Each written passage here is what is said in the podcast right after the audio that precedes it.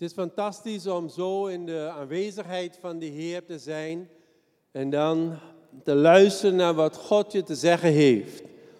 Misschien moeten we gewoon één moment nemen om voor uzelf stil te zijn en af te stemmen op de Heer en te zeggen, Heer, wat zegt u tegen mij?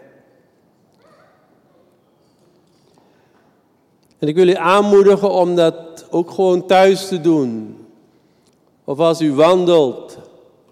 Dat u gewoon momenten van stilte inhoudt.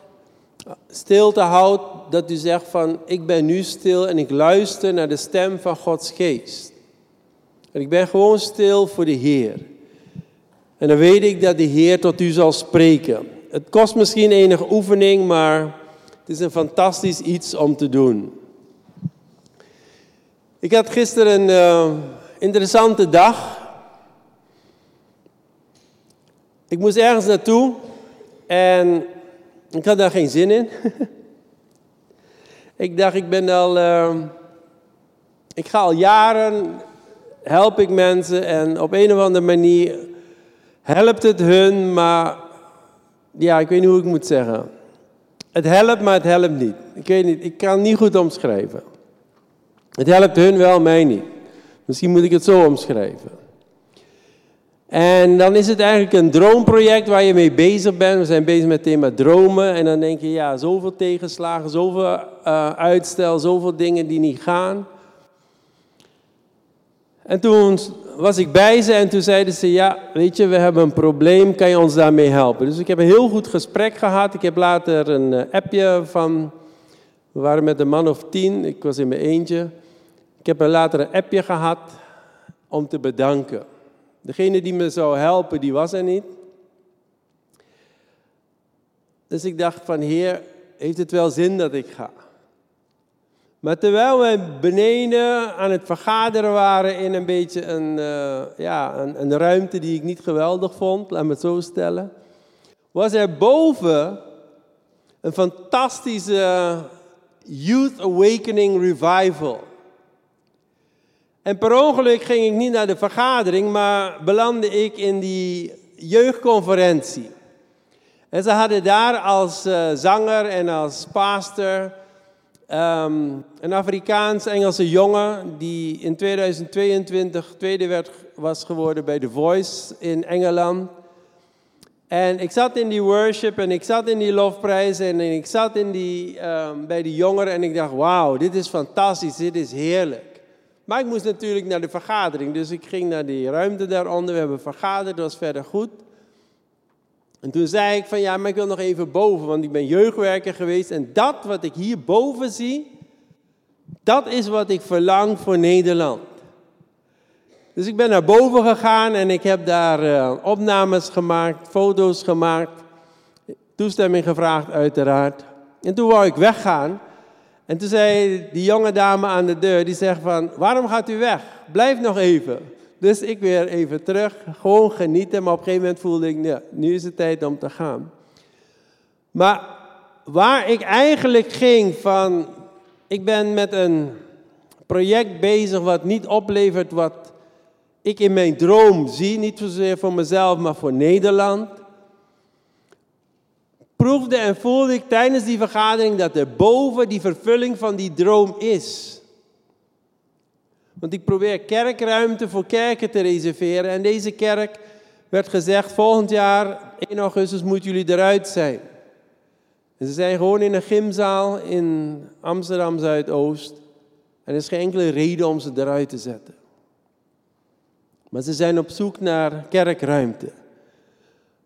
En ik zei tegen ze, luister, liever blijf je hier in die gymzaal met deze opwekking, dat je een hele mooie grote kerk gaat, 20 kilometer verderop, of een, iets laat bouwen of iets ombouwen, waar deze jongeren niet zijn. Dus geef dit de prioriteit. Dit is het hart van de gemeente. Die lofprijs en die aanbidding. We hebben het over dromen en vandaag wil ik het hebben over moeilijkheden die u tegenkomt in uw dromen. En ik ben heel blij dat we dat liedje hebben gezongen, eigenlijk het lijflied van onze gemeente, tenminste in het begin. Inida Yuru Fuambegi. In het uur van aanbidding Heer, dan richt ik mij tot u. En het enige vraag die je hebt in het uur van aanbidding, Heer, maak mij naar een beeld van u. En in die moeilijkheden, als u voor uw dromen gaat, gaat het niet zozeer alleen om het overwinnen van die moeilijkheden, dat ook, maar gaat het erom van, geeft u God toestemming om in die moeilijkheden aan de moeilijke aspecten in uzelf te werken. Weet je, het eerste gebod van de tien geboden is uh, dat je God niet in jouw beeld moet maken. Geen andere God, maar dan maak God niet naar jouw beeld. Dat is de allergrootste fout die je religieus, godsdienstig, spiritueel kan maken. Is dat jij God voorstelt zoals jij wil dat God is. En waar het om gaat, Genesis 1, God heeft ons gemaakt naar zijn beeld. Dus God is altijd bezig met een nummer één taak van God in ons leven. Niet om ons een voorspoedige toekomst te geven, niet om moeilijkheden weg te halen, niet om dit of dat, maar hij is altijd bezig met de vraag van, zie ik in jou, en ik wil bijna namen noemen, maar om het persoonlijk te maken, maar doe je eigen naam, zie ik in jou die groei van Gods geest, dat je meer en meer op die Heer gaat lijken. Want als God dat kan doen in jouw leven, dan maakt het niet uit wat je meemaakt tijdens je wandel in de dromen. Dat proces wat God in jou begonnen is, gaat gezegend zijn van begin tot eind. En ik denk dat een van de redenen waarom wij dromen hebben die te groot voor ons zijn, is omdat we de Heer nodig hebben, afhankelijk zijn van de Heer. En de kernfout die wij maken is dat we denken van, oh ik heb God alleen nodig om dit te vervullen in die droom, mensen te geven. Ik heb alleen nodig dat God geld geeft. Ik heb alleen nodig dat God open deuren geeft. Ik heb alleen nodig dat dit. Maar daar gaat het niet om. U heeft God nodig om in u te werken, zodat u in harmonie met de Heer op uw pad verder gaat.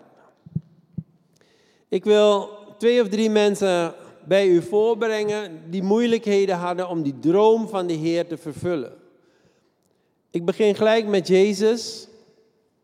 Trouwens, in die fase van dromen zijn er zes fasen of aspecten. Je hebt je droom, een godsdroom, niet gewoon een droom, een beslissing, ja, ik ga erachteraan.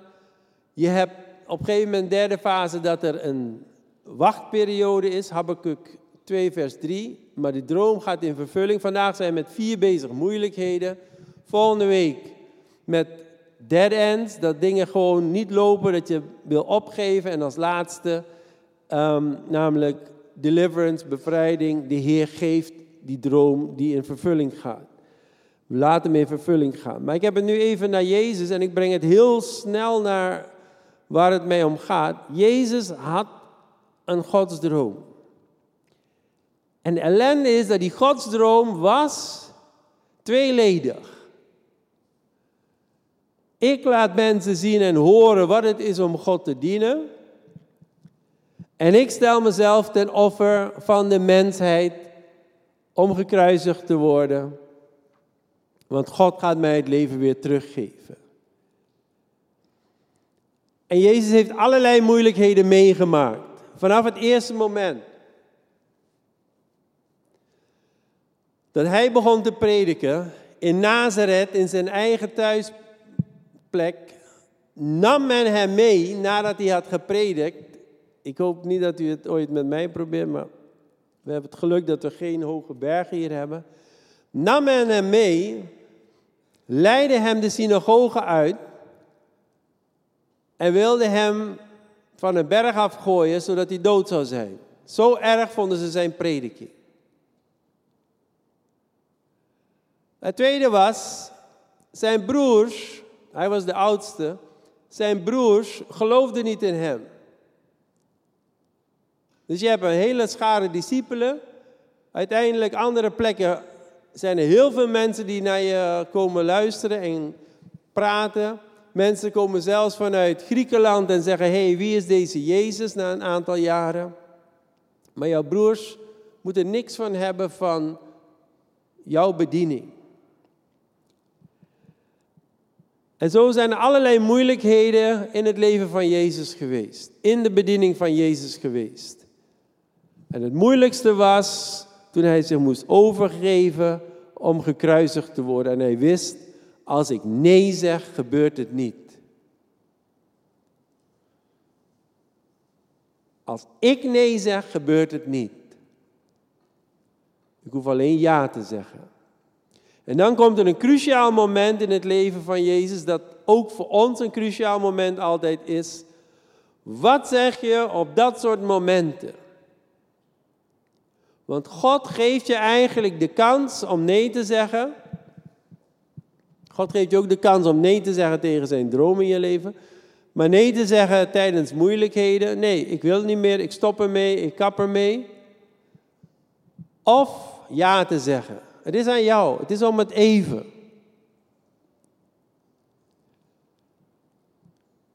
En wat doet Jezus? Jezus geeft duidelijk aan, Vader in de hemel, ik wil nee.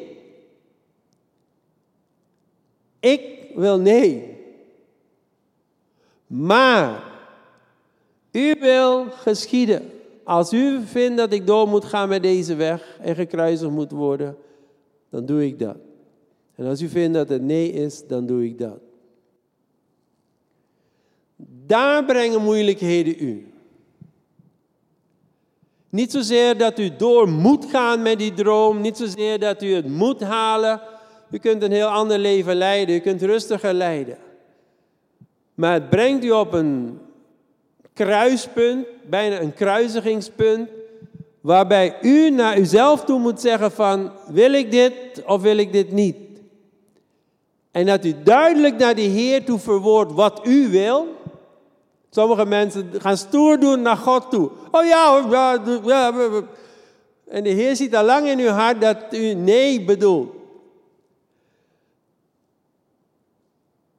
U zegt eerlijk naar God wat u vindt. En dan zegt u, Heer, doe wat u wil. U zegt eerlijk wat u vindt, Heer, doe wat u wil. Ik breng een volgende persoon voor u en dat is Paulus. 1 Korinthe 11, vers 22. Paulus geloofde niet in Jezus, geloofde niet in God en had zoiets van, nou weet je wat, ik hoef hem niet. Maar in een visioen verscheen Jezus aan hem, hij bekeerde zich en de Heer zei van luister, jij gaat voor mij grote dingen doen, maar je gaat ook lijden. En hij doet grote dingen voor God. En op een gegeven moment is er tegenstand, opstand tegen hem in de gemeente in Korinthe in Griekenland. En dan somt hij eigenlijk even op wat er met hem is gebeurd. In de lijn van zijn apostelschap. Ik ga het even lezen, want sommigen van u hebben medelijden met uzelf. Maar ik stel u voor dat als u in moeilijkheden komt en u bent bezig met een droom van de Heer, een roeping van de Heer, alsjeblieft. Ik ga het even lezen, misschien één of twee opmerkingen.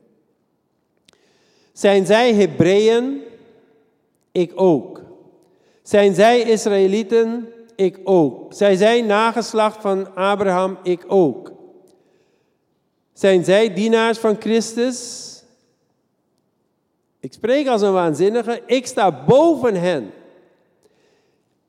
In ingespannen arbeid veel vaker. In slagen dat hij echt klap heeft gekregen, bovenmate.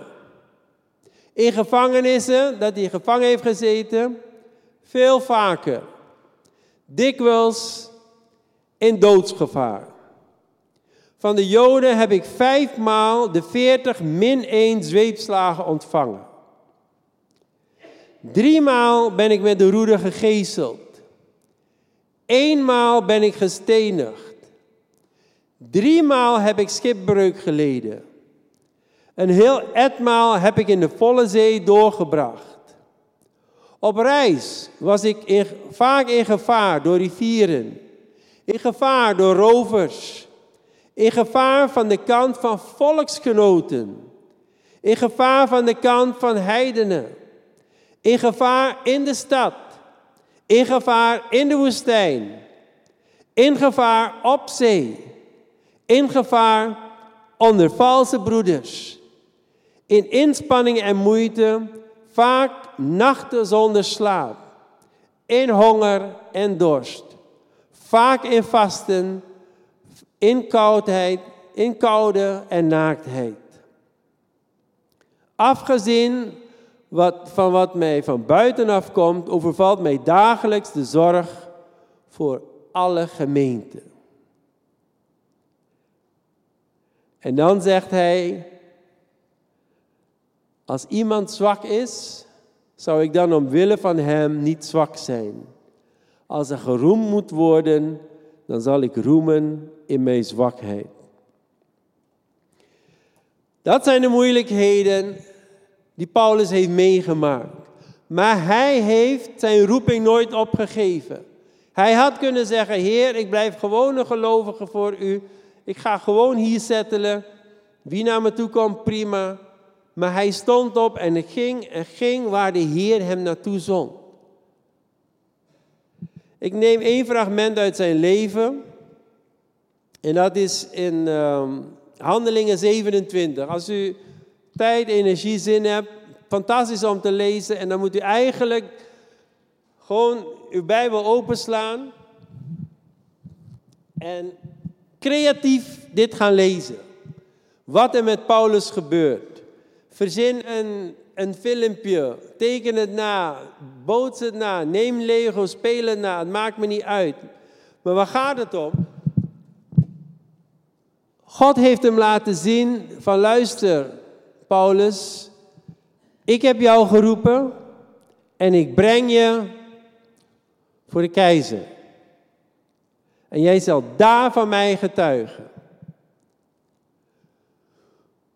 Toen hij bijna gestenigd was, toen hij bijna gedood werd, toen hij bijna gelyncht werd, toen moet hij gedacht hebben, dit gaat niet gebeuren. Hij wordt gevangen genomen en men besluit van oké, het is hier te gevaarlijk in Israël. We brengen hem weg. En ze gaan de hele weg, gaat hij in gevangenschap van Jeruzalem naar de kust, via Kreta naar Rome. En op een gegeven moment moeten ze een beslissing nemen, want het is heel gevaarlijk om een bepaalde, tijd, bepaalde periode in de Middellandse Zee rondom die Griekse eilanden te varen. En de experts zeggen, ja, we gaan nu varen, het gaat lukken. En Paulus zegt, ik waarschuw jullie, ga niet varen, want dat loopt niet goed af. Uiteindelijk gaan ze varen. Het wordt één drama daar op zee. En de schuld ligt niet bij Paulus, want hij heeft ze gewaarschuwd. De schuld ligt bij de kapitein en de hoofdman die hem vervoerde. Ik lees een gedeelte voor uit dat hoofdstuk Handelingen 27. En doordat er gedurende vele dagen geen zon en geen sterren verschenen en geen kleine storm ons teisterde, werd ons verder alle hoop op redding ontnomen. Dus God heeft je laten zien, je zal voor de keizer verschijnen. Je waarschuwt mensen, ze luisteren niet naar je. Je bent bezig om schipbreuk te leiden en te vergaan. En het is niet jouw fout, het is de fout van de kapitein, de expert, het is fout van de hoofdman, de expert. En jij als leek werd niet naar geluisterd. Maar jouw leven staat wel mede op het spel. Bij Jona was het anders, was er een gevaar en Jona zegt, ik ben fout geweest, gooi mij maar overboord en is het voorbij. Bij Paulus is het precies andersom, jullie zijn fout geweest, ik niet, moet ik dan mijn leven laten. En toen men lange tijd zonder eten geweest was, ging Paulus in hun midden staan en zei, want ze hadden alles al overboord gegooid om te kunnen overleven.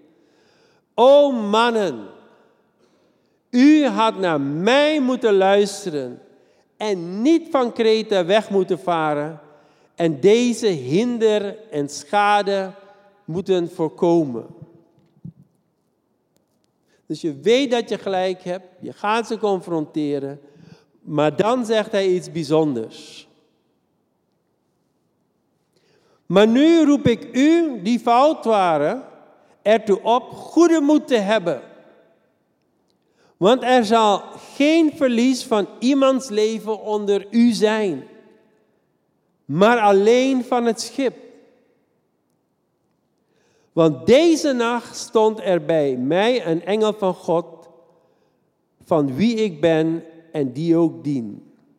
En die zei, wees niet bevreesd, Paulus. U moet voor de keizer terechtstaan en zie, God heeft u allen die met u varen geschonken. Heb daarom goede moed, mannen, want ik geloof God dat het zo zal zijn als het mij gezegd is. En dan gaat hij helemaal praktisch verder, fantastisch. Anderen brengen u in moeilijkheden. Die droom die u had, dreigt in duigen te vallen. Maar God komt u te hulp, want u kan niks doen. U kan niks tegen die storm. U kan niks tegen die kapitein. U kan niks tegen die hoofdman. uw leven is voorbij, uw droom is voorbij. Gaat niet lukken. Maar God grijpt in en zegt: Ik ga niet alleen jou redden, maar ook allen die met je zijn. Alleen dat schip zal vergaan. Dan kom ik bij de derde persoon, Nehemia. Een van mijn favoriete boeken in de Bijbel en hoofdstukken is Nehemia 1. Nehemia zit aan het hof van de grootste koning van het Midden-Oosten op dat moment. Hij heeft het perfect voor elkaar. Hij wordt vertrouwd door de koning. Hij dient de koning. En als je de koning dient, moet men jou 100% vertrouwen, want jij kan de koning vergiftigen bij het eten en het drinken. Maar hij dient de koning. Maar hij hoort dan dat er iets fout is in Israël, dat het niet goed gaat met de ballingen die terug zijn gegaan. Hij hoort en zijn hart is gebroken en hij huilt en het is triest.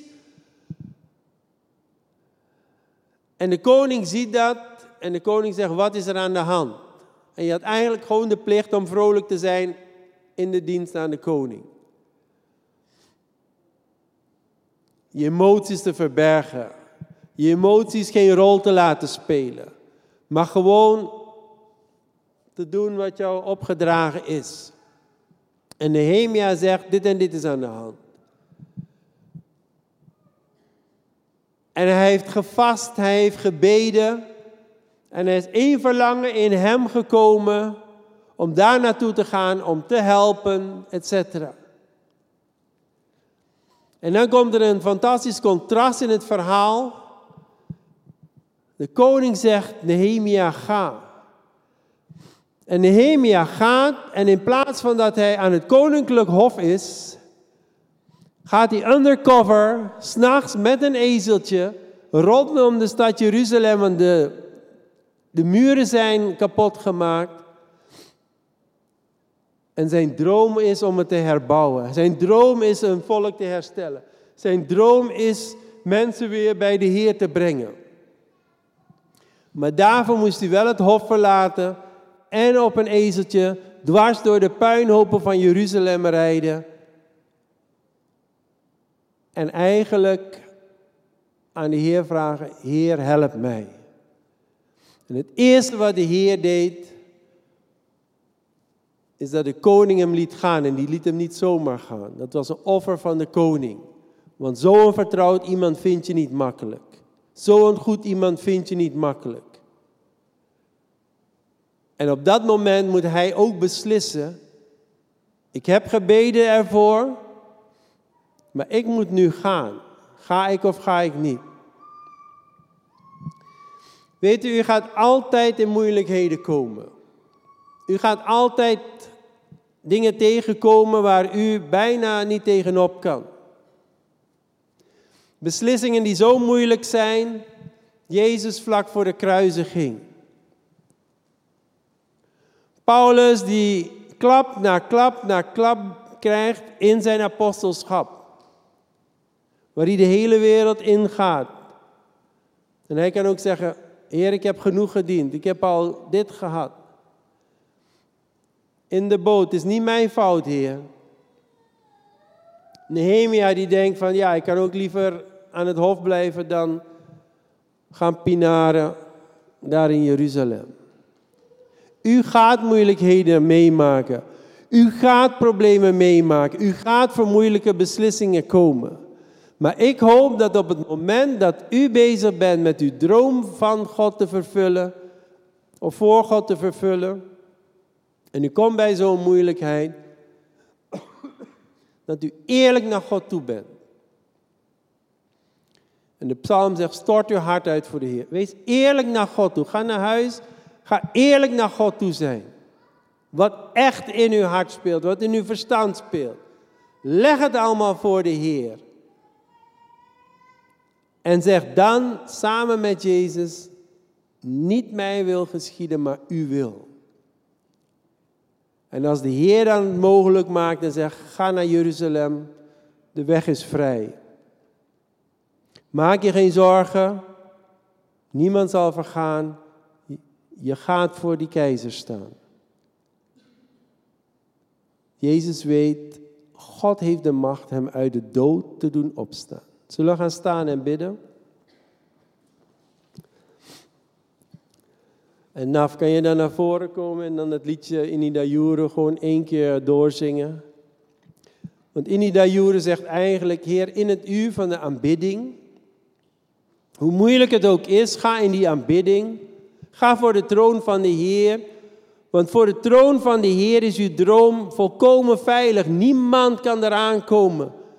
Geen slagen, geen moeilijkheden, geen tegenstand, geen volksopstand, geen kapitein, niets en niemand, geen weer, geen zon, geen maan, geen regen, geen storm. Niks kan die droom die voor Gods aangezicht is verpesten. En als u in die aanbidding gaat, dan ziet u uw droom weer. Maar u ziet uw droomgever weer, dat is nog veel belangrijker, want die droom wordt misschien vervuld en wat dan? Maar u ziet uw droomgever. Yeshua, my beloved. Maar niet zozeer, ik hou van God, maar de Heer zegt, ik hou van jou. Gemeente, you are my beloved. Jij bent mijn geliefde. En in dat contact met God, in die liefdesband met de Heer, is die overgave en zegt u, Heer, maak mij naar uw beeld gelijk. Gelijk, doe met, u, doe met mij wat u wil. Help mij hier doorheen. Vader in de hemel, wij komen voor uw troon van genade. En misschien kan iedereen één hand opheffen. Heer, want in ieder van ons heeft moeilijkheden meegemaakt die we niet hebben gezocht, die we niet wilden, die in verband staan met wat wij voor u doen.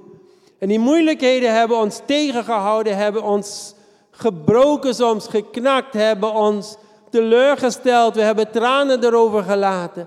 We hebben soms op het punt gestaan om op te geven. Maar door uw genade zijn we hier in de gemeente. Door uw genade zijn wij doorgegaan. Door uw genade hebben we niet opgegeven.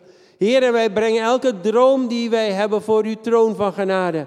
En geef dat wij die godsdromen nastreven die van u zijn. Maar geef, Heer, dat wij dat doen vanuit de relatie van liefde. En vanuit de relatie dat wij vragen, Heer, niet mij wil geschieden, maar u wil geschieden. En geef ons in die moeilijkheden, Heer, dat we elkaar mogen bemoedigen. Dat we elkaar mogen vasthouden. Dat we elkaar mogen versterken. Dat we voor elkaar mogen bidden en mogen zeggen: Gods droom voor jou is niet voorbij. Die storm gaat voorbij. Die duisternis gaat voorbij. Dat moment van dood gaat over in leven. Dat gaat voorbij. Maar God heeft jou geroepen. Ik heb jou geroepen. Ik heb jou aangesteld. En ik zal jouw droom vervullen, zegt de Heer. In Jezus' naam. Amen.